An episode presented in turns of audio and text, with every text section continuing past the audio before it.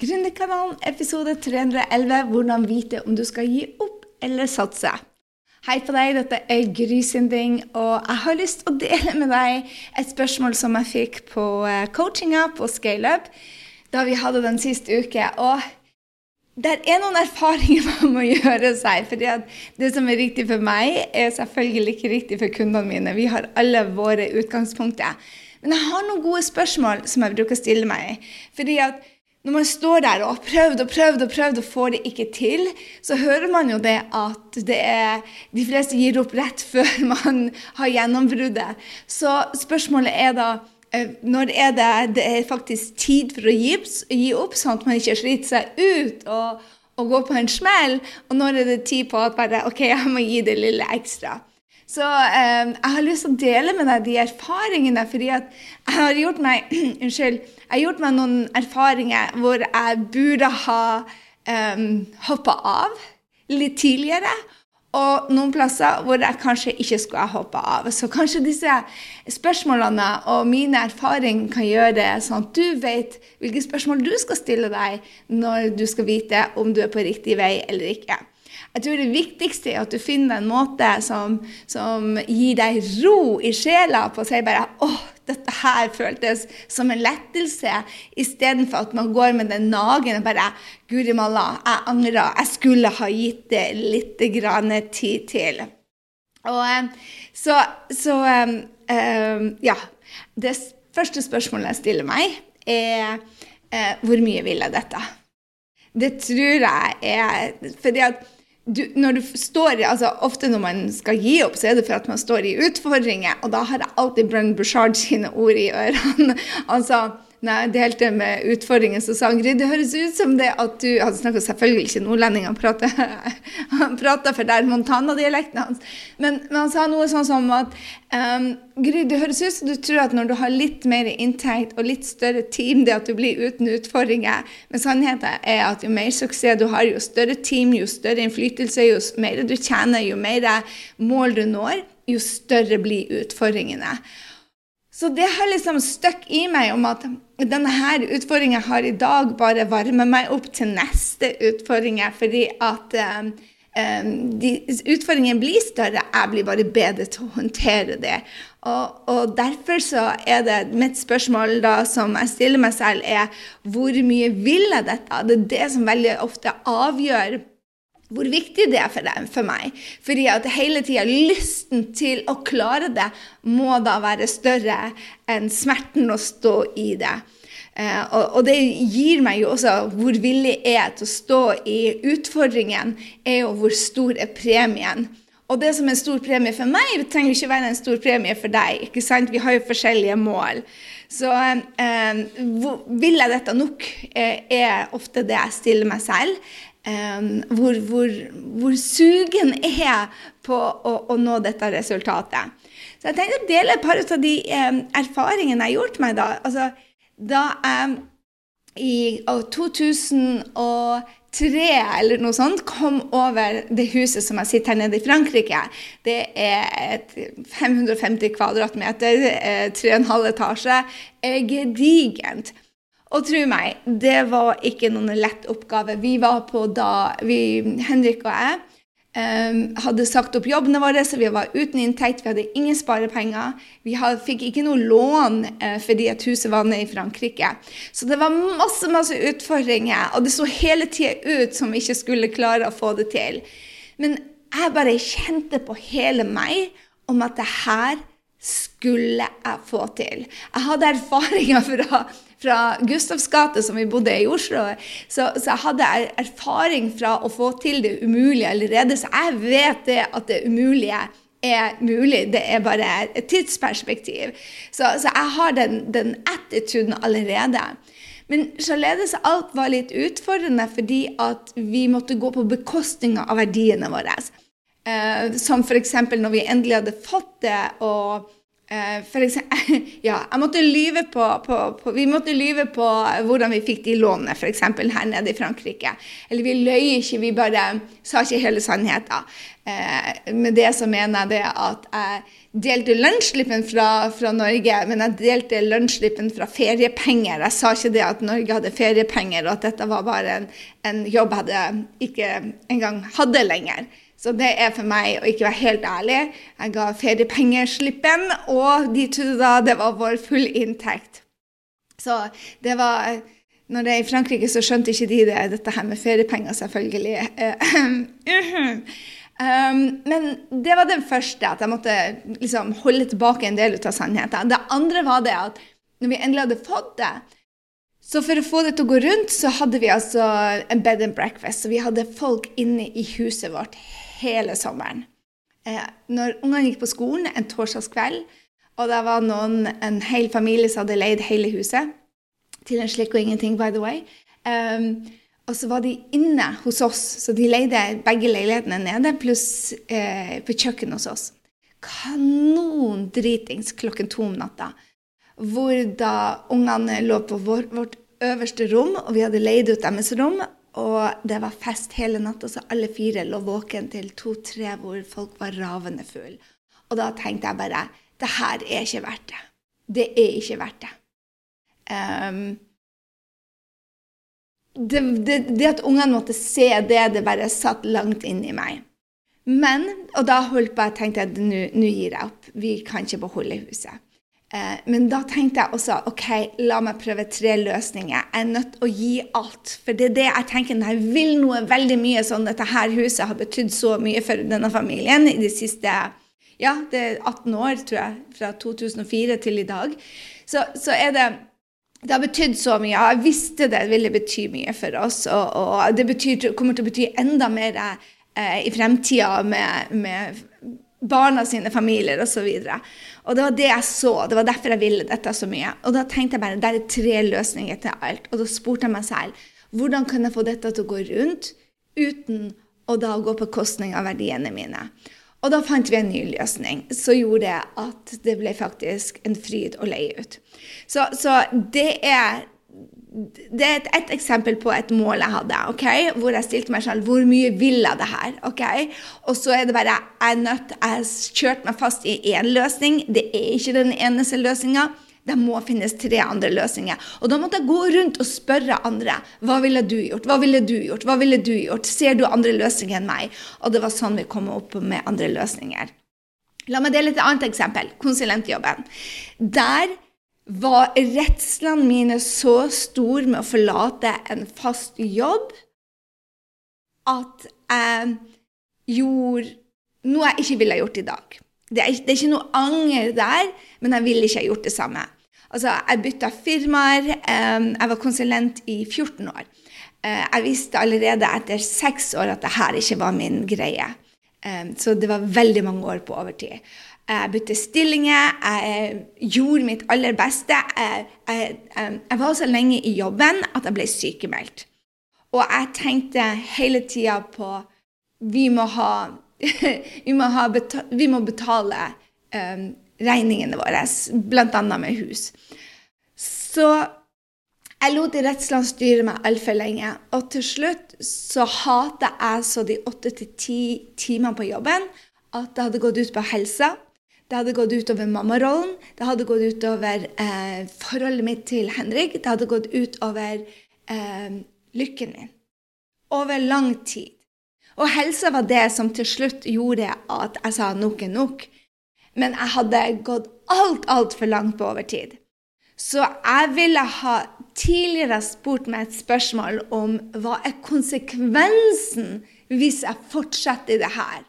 Og hadde jeg stilt meg sjøl det spørsmålet, hva er konsekvensen hvis jeg fortsetter i denne type stilling, så ville jeg ha svart at det ville ha gått ut av helsa. Det vil koste deg ekteskapet ditt, det vil koste deg forholdet til ungene dine og jeg, jeg kunne ha sett dette her flere år tidligere hvis jeg hadde stilt meg det riktige spørsmålet. Og da kunne jeg bygd opp noe mens jeg var i jobb. Så der var det jeg rett og slett stilte meg ikke riktige spørsmål, sånn at jeg kept on going, og til slutt så pressa mine valg meg til å ta eh, en gründerjobb. Det var det eneste. Men da starta jeg gründerjobben langt nede, ikke sant? Istedenfor å, å være helt oppe. Så gründerjobben, da. Det var neste. Så først konsulentjobben, og så gründerjobben. Og gründerjobben min Jeg tjente ikke penger på to år og havna på Nav. Og jeg var deprimert, jeg var langt nede, og der gjorde jeg akkurat samme eksersis. Og hvor mye vil jeg dette? Og da var lysten var ekstremt høy i forhold til konsulentjobben, hvor den var ekstremt lav. Og da sa jeg bare OK, når du er to år i det her, spurte jeg meg selv Hva skal til for at du lykkes? Hvem må du bli? Og du lykkes ikke en konsulentjobb som deprimert. Du lykkes ikke en konsulentjobb når du gir 10% av det du egentlig vet du er. Jeg var ikke på 10% engang. Så det jeg gjorde da, var å si at ok, jeg er nødt til å bygge meg opp samtidig. Så det var det jeg gjorde. Jeg bygga meg opp, men jeg tok action samtidig som jeg bygde meg opp. Jeg spurte om hjelp. Um, og så var det det som snudde det hele. Jeg skjønte det at enten måtte jeg lære meg salg, eller så måtte jeg la være å ha en gründerjobb. Fordi at du har ikke en jobb hvis du ikke har inntekt. Og det eneste som gir deg inntekt, er at du kan salg. Så når jeg lærte, jeg bare sa, har jeg gjort det jeg trenger for å lære meg salg. Og da var sannheten nei. Jeg hoppa fra det ene gratis-workshopen til den andre. Jeg hadde hoppa fra ene mentor til den andre. Jeg hadde hoppa på den ene strategien etter den andre. Jeg hadde ikke gjort 100% én strategi fra A til Å. Så jeg lovte meg selv om å gi det like lang tid som jeg hadde surra. 18 måneder. Så jeg ga meg selv 18 måneder hvor jeg skulle være 100% meg selv. Jeg skulle gjøre morgenrutin, jeg skulle gå, gjøre det min mentor sa. Og det tok ikke mange tiden da, før det eksploderer. Så der er jeg veldig glad for at jeg spurte meg selv spørsmålet hvor mye vil jeg dette? Og ikke minst spørsmålet er har jeg gjort mitt beste? Jeg spurte meg også vil jeg angre hvis jeg gir opp nå, og svaret var hell yeah. For jeg visste jeg hadde ikke gjort mitt beste. Jeg hadde ikke gjort det jeg kunne gjøre. Jeg visste at det var andre løsninger enn jeg hadde gjort fra før. Så den siste jeg har lyst til å dele, handler om ekteskapet. Eh, hvor mye ville jeg dette? Jeg ville det så utrolig mye. Eh, og da spurte jeg meg selv akkurat det samme. Har du gjort ditt beste? Og lenge var svaret nei, så vi gikk til ekteskapsrådgivning. Vi eh, endra rutiner. Vi øvde oss på å bo fra hverandre. Helt til jeg kunne si det at nå har jeg gitt mitt beste. Og de dagene som var ikke så bra, var flere enn de som ikke var så gode. Og vi gjorde hverandre dårligere istedenfor bedre. Så da sa jeg bare OK, jeg kan på hånda med hjertet si jeg har gitt det beste av meg selv.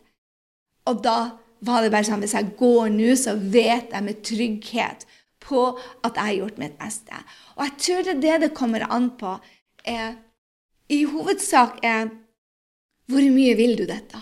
Og hvis du virkelig vil det, spør deg sjøl har jeg gitt 100% av meg selv over lengre tid. Tony Robbins eh, ga et, et, svar til noen. Hvordan vet de om de skulle gå for et forhold? Så sa han bare Har du gitt ditt beste over 90 dager? Hvor du hver eneste dag satt dette på prioriteringslista di, og du gjorde dette i 90 dager. Gjorde alt du kan for at den du er sammen med, skal se at du elsker dem, og at du vil dette, at du jobber med deg selv. Har du brukt 90 dager på det? Konsekvent! Sa da vet du det. Og sånn er det også med gründerjobben, tenker jeg. Hvis du er i tvil, så tro meg, utfordringen blir ikke mindre. Men har du gitt 100% i 90 dager, og du ikke ser resultater, og du har spurt om hjelp, og du har gjort jobben, og du sitter ikke bare og ser videoer, men du går ut der og legger det der ut, og du får feedback, og du får feedback 90 dager Jeg ga meg selv 18 måneder. Fordi jeg visste det at i 90 dager så kunne ikke jeg klare det. Men der tok jeg feil. Jeg omsatte på 90 dager Det kan hende jeg tar eh, litt i nå. Men de første eh, 30 dagene så omsatte jeg for 250 000. Først, før det, de forrige 18 månedene, 60 Og så gjorde jeg det en gang til. og en gang til og en gang til. Tre ganger i løpet av 90 dager. Det var wow for meg. Så det jeg har lyst til å dele med deg, er at du finner det ut på din måte. Men du må stille deg sjøl noen gode spørsmål, for det er kun da du får gode svar. Og spørsmålet er hvor mye vil du dette her? Og hvis svaret er som meg, en jobb som jeg hater, det var bare redselen som holdt meg igjen, da burde jeg laga en strategi for å komme ut og ta det og skape meg noe jeg vil ha, for jeg hadde bare fokus på det jeg ikke vil ha. Og så er spørsmålet OK, har du gitt 100 Hvis svaret er nei, så sett en tidsperspektiv hvor du gir 100% og så stiller du det spørsmålet igjen og igjen og igjen. Så der har du mine valg. Jeg håper det gir deg en, en bedre eh, ut, et bedre utgangspunkt på hva du skal gjøre, for vi er alle forskjellige. Men tror at hvis du vet hvor mye du vil dette her, og, og bare kjenner, er ærlig med deg For ofte så tar vi på oss prosjekter som vi egentlig ikke vil. Og hvorfor skal vi drive på med noe som vi egentlig ikke vil, og utfordringer? Livet forkorter for korte ting som vi egentlig ikke vil. Og det er alltid tre andre løsninger. Jeg ville egentlig ha Charledes Alp, men jeg låste meg fast i at det var bare en én løsning. Jeg tror at min første jobb, eller andre jobb var det, eh, i IBM for Emil Stampe Jeg hata arbeidsoppgavene, men jeg er overbevist på at jeg kunne ha fått en annen jobb i IBM som jeg hadde thrive in, som jeg hadde elska, hvis jeg hadde sett etter tre løsninger. Men jeg satte meg fast i at vet du hva, det er bare denne ene jobben jeg kan gjøre her. Det var bare tull. Så, så heldigvis så er jeg her nå og får snakke med deg, og jeg har kunder som jeg elsker, et liv jeg elsker. Men mindset kan alltid snu ting på. Og jeg tror det at, det at vi tar på oss ansvaret selv og sier hva kan jeg gjøre, vil jeg dette, har jeg gitt mitt beste? Og er det andre løsninger som kan tweake dette her. For låser vi oss i at 'å, jeg gjør det riktige, men det går ikke', så er man ikke coachable, og da blir man stuck. Men hvis du åpner deg opp og spør bare 'OK, hva kan jeg gjøre annerledes? Hvem kan jeg få hjelp av?' Så har du gjort ditt beste. Det er OK med det og gi slipp på det. Det er kanskje ikke for deg. Hvis du vet at du ikke har gjort ditt beste, så er det om å gjøre å brette opp armene, følge én strategi. Jeg håper det hjelper deg til å ta gode beslutninger for deg. Lage deg en SOP, en standardprosedyre. Når du føler deg stuck og, og det spørsmålet kommer opp i hjernen din, skal jeg gi meg nå? Still deg noen gode spørsmål som, som lønner det for deg. For det vi vil, er at du skal ha ro inni deg. Og føle en trygghet på at du er på riktig vei, og at du gjør de riktige tingene for ditt liv, for din lykke, for din um, Ja, for deg. Og så er det det at når det ikke er det, gi slipp med en ro om at dette her er det beste for deg. Kanskje ikke for alle andre, men det beste for deg, for du har bare ett liv. Har du lyst til å være med oss på workshopen som vi skal ha nå, så meld deg på i dag.